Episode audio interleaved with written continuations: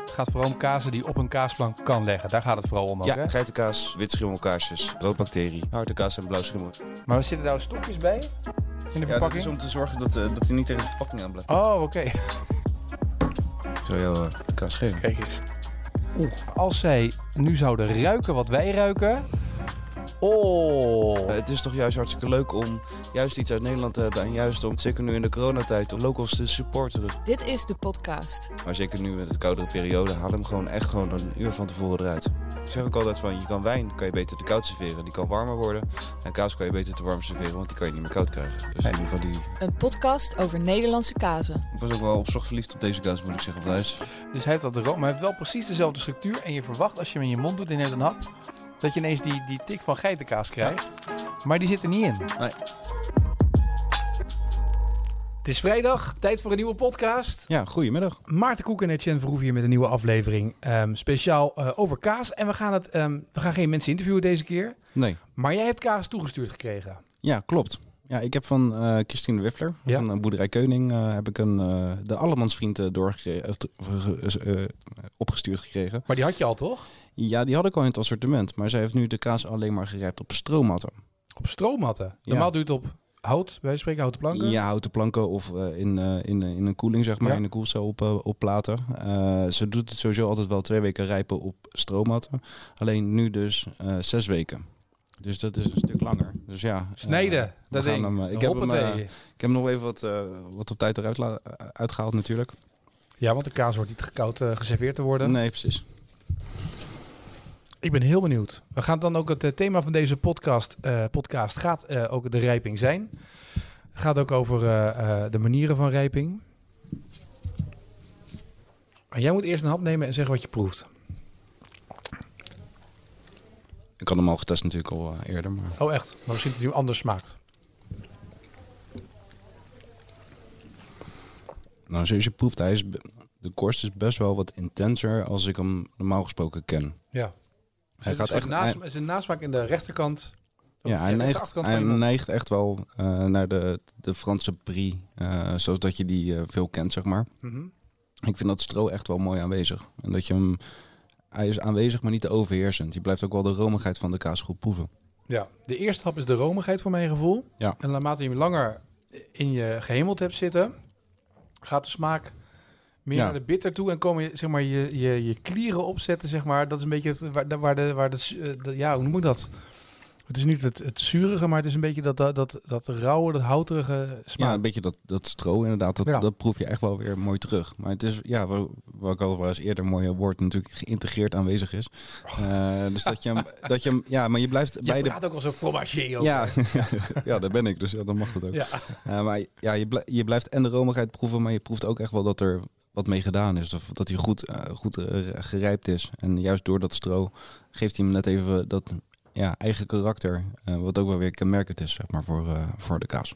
Ja, want eh, jij hebt ook de normale allemansvriend geproefd. Ja. Ehm, die is, eh, is meer, je is anders qua smaak.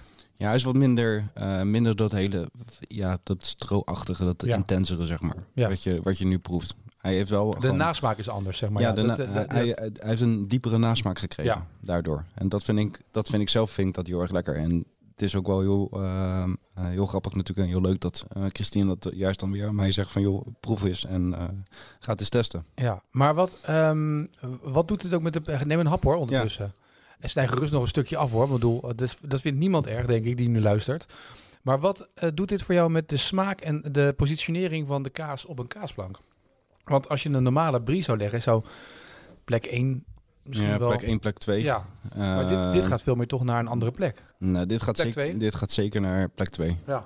het ligt een beetje aan wat voor roodbacteriën je doet. Maar ik zou misschien dan eh, wel voor een iets eh, eh, zachtere uh, mild eh, voor roodbacteriën zorgen. En daardoor dan eh, dat hij wat eh, eh, dat hij hem dan opschrijft eigenlijk. Ja. Naar de plek 3 zelfs gaat misschien wel. Ja, misschien wel. Ja, hangt een beetje af van. eh, Ja, want hij heeft wel Een hele als, eh, mooie roodbacterie. smaak. Ja. ja. Maar ik zou misschien ook wel kiezen voor een wat als je hem op een wat pittigere plank ligt, zeg maar. Dan zou je hem prima op nummer Ja. 2 kunnen leggen. Fantastisch. Dan, Dan, kan je doorbouwen. Ja, precies. En dan kan je naar een eh, sterke roodbacterie op de derde en, eh, enzovoort. Ja, want dit heeft een beetje... We hebben natuurlijk ook vaak... eh, we hebben het al vaker gehad over de zwaluwgekwetter. Die Ja. heeft een normale versie en een temperamentversie. Ja. Die temperament heeft ook dat, je, dat die blijft hangen qua Ja. smaak. En die is meer nog qua geur. Als je je koelkast open doet, tot het temperament uit je Ja, koelkast. deze, deze heeft ook wel een aardige eh, Ja? geur, geurbeleving. Eh, ja. ja. Maar dat, heet, dat is wel zeg maar het mooie aan dit soort kazen, zeg maar. Dat die dan net even anders is dan anders. Nee, precies. Ja, nee, ik, ja, ik vind het eh, een mooie toevoeging op het assortiment. En dus, daardoor kan je ook wel misschien zeggen voor dat je een allemansvriend de naturel doet. Ja. En echt de, de stroge rijpte, zeg maar. Wat die wat dat heftiger daar het, is. daar het verschil in maakt. Ja. Dus dat, En als we dan hebben over rijping, want dit is dan zes weken, eh, is die gerijpt op, op die stroommatten. Normaal is Ja. dat twee weken. Ehm, we hebben natuurlijk gehoord van de bunkerkazen. Hebben we het natuurlijk over gehad met de blauwschimmels. ja, maar je hebt ook wel in, eh, je hebt ook de Twentse bunkerkaas, die worden ook echt in die oude, Ja. oude, oude bunkers zeg maar gerept. En er zijn er wel meer, zeker in de Achterhoek, eh, waar dat wel vaker gebeurt. Maar. Want wat maakt... er zijn natuurlijk verschillende manieren om je kazen te rijpen. Op deze manier. Ja, zeker. Ja, we hebben het twee weken geleden natuurlijk al gehad over de G, over de geclarafeerde boter, dus de natuurkorst. Ehm, in Zoals bij Frankrijk, Remeker gebeurt dat. zoals hè? bij de Ja. Remeker inderdaad gebeurt. Eh, je hebt ook wel ehm, een ja, een soort van, van mijt wat aan de buitenzijde wordt gedaan. eh, wat dan ook weer zorgt eh, dat, die, dat er een korst ontstaat eigenlijk aan de buitenzijde. Mhm. Ehm, er worden zelfs in, eh, op Sardinië de Casa Mazou wordt gemaakt. Dus ook een... eh, Dus met die beesten erin. Ja, precies. Dus met die... Eh, we zitten in la- larven of ja, zo? larven, larven zitten erin. Ja. Dat Maar lijkt de- me- in Nederland is dat, is dat, eh, mag dat niet. Eh, mag die ook niet meer verkocht worden. Eh, het heeft Daar toch ook niet meer, begreep ik? Of wel? Is dat niet illegaal daar? Ja, nou, het zal waarschijnlijk onder de toonbank inderdaad worden Ja. verkocht. In Sardinië met de... Sardinië en Sicilië met de maffia, dan eh, zal dat wel eh, zo her en der nog ergens eh, te krijgen zijn. Maar wat, wat, wat bunker is zorgt voor temperatuur, waardoor dit op een bepaalde manier rijpt. Ja. De ghee zorgt ervoor dat je natuurkorst krijgt. En Ja. dat die daarmee te rijpen is. En dan heb je gelijk je eigen ghee die er overheen smeert en die erbij smeert. Ja. Ehm, wat doet het rijpen op stro in dit geval? Is dat smaak, puur smaak? Ja, geeft puur smaak af. Ehm, het is ook vaak fijner om eh, je kazen zeg maar, in, een, in de kaaskoeling ook op stroommatten te leggen. Mhm. Ehm, omdat het dan ook ja, gewoon wat, wat zuiverder, wat natuurlijker, het natuurlijker is zeg maar, voor de kaas om, om zich aan, eh, aan te wennen. Ja, Natuurlijk, je moet hem eh, in, goed verpakken, want anders loopt het. Loopt het loopt, het helemaal weg. Maar ja, ik vind dat wel een mooie uitstraling. Juist ook omdat zeker in, eh, in Normandië ook juist echt met die stroommatten echt speciaal wordt gewerkt. Mhm. Om juist die kazen goed te kunnen rijpen. En ook in, eh, in het, eh, eh, in, met de brie, zeg maar. Ehm, ja, je kan ook nog eventueel met een... in Frankrijk worden ook veel geitenkaasjes met aslaag gemaakt. Ja. En het zorgt er ook vaak voor om dan de kaas ook te kunnen beschermen. Het geeft een kruidige smaak af, maar het zorgt er ook voor dat de kaas beschermd wordt. En met de de Touraine uit de Loirevallei wordt ook een strootje ehm, eh, in de kaas gedaan. Om te zorgen dat hij ook het vocht eh, kwijt kan, zeg maar. Dus Een daar- stro in de kaas? ja, het is een ja, heel, die heel dun strootje. Eh, dat doen ze dan in de kaas om dan te zorgen dat het vocht, zeg maar, eh, kwijt kan. Dat is wel grappig. Want je hebt normaal als je eh, bijvoorbeeld vlees rijpt, hebben ze natuurlijk ook dat ze bijvoorbeeld dingen doet op citroengras om te bakken. En dat ze zeggen Ja. dan, dan dat geleidt de warmte of die spiezen, die geleiden de warmte van binnen uit. Ja. Zoals botten eigenlijk, hè, en kip ook eh, de zorg voor die warmtegeleiding. En bij kaas doe je er wat in om eigenlijk het vocht af te leiden. Ja, precies. Nou, we hebben het natuurlijk ook al in het verleden al gehad over de bleu de brie, de, de regalie Ja, met, de- ja. met de paraffine. Maar die zorgt er juist weer voor dat die, juist dus, die kaas dus juist vochtig blijft. Ja. Dus dat is dan weer de andere, andere kant, zeg maar. Want het Eh, proces daarvan is natuurlijk met die blauwschimmel dat die daardoor heel zacht blijft als blauw- blauwschimmel van binnen. Ja. Maar dat die heel krachtig is van smaak. Ja, ja zeker. Ja, het blijft nog steeds mijn, eh, mijn favoriete blauwschimmel. Nee, zeker. Er zijn meer mensen inmiddels na de laatste podcast. Ja, ik, eh, hij, eh, hij ging met, met de feestdagen ging die, ging die erg hard, ja. Ja, Dat, dat, geloof ik, ja. Ik, heb, ik was pas inderdaad in de winkel. Oh, mijn rijk is trouwens.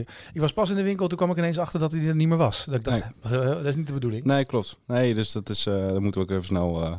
ik heb hem alweer besteld hoor, dus hij is alweer in, in huis. Ja. Ehm, dus ja, dat, eh, en ook vaak met, met kruiden eh, wordt het ook wel gedaan. We hebben natuurlijk eh, ehm, bij de Elisabethhoeve ja, zijn we geweest, van, Ja. met de Romero. Romero, ja. En met de rozemarijn juist aan de buitenzijde. Die rozemarijn die geeft hem juist ook dat beetje dat kruidige in de, in de smaak, zeg maar. Wat- Daarom dat hij ook zo tien maanden moest, moest rijpen.